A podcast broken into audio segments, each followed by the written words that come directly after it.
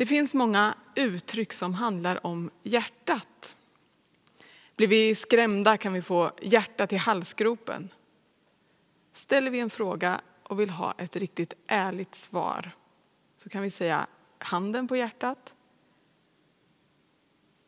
Det går att få sitt hjärta krossat. Och kanske mest av allt är kärleken symbolen för romantik, förälskelse. I Bibeln så är hjärtat en slags sammanfattning av hela personen, hela människan, hela livet. Och hjärtat det dyker upp i dagens bibelord som kommer från Romarbrevet 5, vers 5 till 8. Aposteln Paulus skriver. Och hoppet sviker oss inte, ty Guds kärlek har ingjutits i våra hjärtan genom att han har gett oss den heliga anden. Medan vi ännu var svaga dog Kristus för alla gudlösa när tiden var inne. Knappast vill någon dö för en rättfärdig. Kanske går någon i döden för en som är god.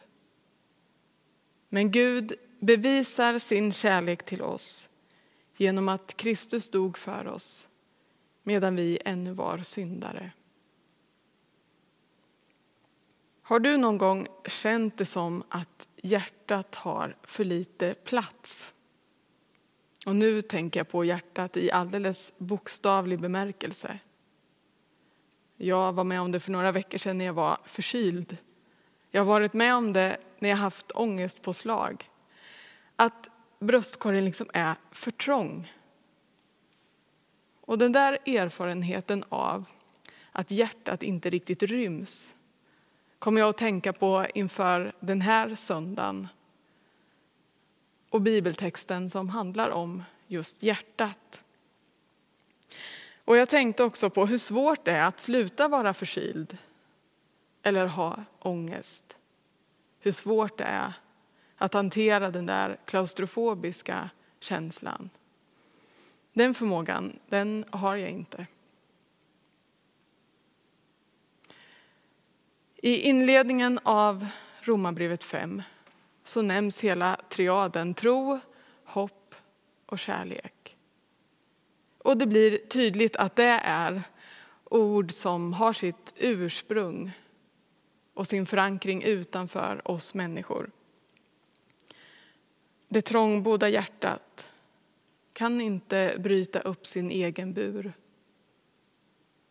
Det går inte att peppa sig själv till ett osvikligt hopp. Inte tvinga fram kärlek. Och ingen tvingar heller Gud att älska. Han älskar oss ändå. Och evangeliet är just det, berättelsen om Guds kärlek. Det är berättelsen om att Gud älskar, inte för att vi gjort oss förtjänta av det, utan för att Gud är sån.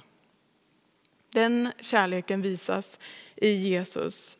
Och det är hans liv, död och uppståndelse som har brutit upp vår alltför trånga bur och ropat oss ut i ett nytt och större rum. Vi står i nåden om vers 2 översätts lite mer ordagrant. Att stå i nåden. Denna hjärtats nya plats är inte drömlikt rosafärgat utan motgångar och svårigheter. Paulus nämner ofta lidande i sina brev och han gör det också här i Romarbrevet 5. Men den som står i nåden behöver inte ge upp inför utmaningarna. Och när Paulus skriver så är det inte bara en ny plats, det handlar om något mer. Det handlar om vad som också hälls in i hjärtat, in i livet, just vid svårigheter och prövningar. Hoppet sviker inte skriver Paulus. Ty Guds kärlek har ingjutits i våra hjärtan genom att han har gett oss den heliga anden. Guds egen närvaro. Erfarenheten av att vara älskad av Gud. Och en del av oss behöver nog mest av allt höra om förankringen utanför oss själva. Att evangeliet inte hänger på oss. Att inte allt avgörs av hur jag uppfattar tillvaron just nu. Buren är ändå uppbruten. Och för en del så är det verklighetens andra sida. Det är inte bara någonting utanför oss, händelser, föreställningar, idéer, utan något som är möjligt att erfara. Det går att vara med om Guds hopp. Det går att märka att nåden finns för mig att stå i. Att kärleken rinner in i hjärtat. Så hur kan vi upptäcka det? Ja, en god början är att be. Att säga som det är. Att be utifrån sin längtan. Ge mig tro. Ge mig hopp. Visa mig din gränslösa kärlek. Och att öva sig att se. Vilka spår av Guds omsorg finns runt oss? Vilka speglingar av Guds kärlek märker vi hos andra och hos oss själva? En god början är att ansluta sig till det goda som Gud vill och gör. För Guds kärlek är inte romantiskt fluffig.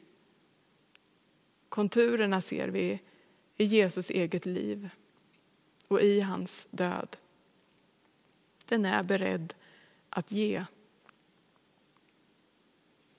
Och så får vi smittas av den, dras med i den, ta emot och ge vidare vardaglig uppmärksamhet och handfast omtanke om andra.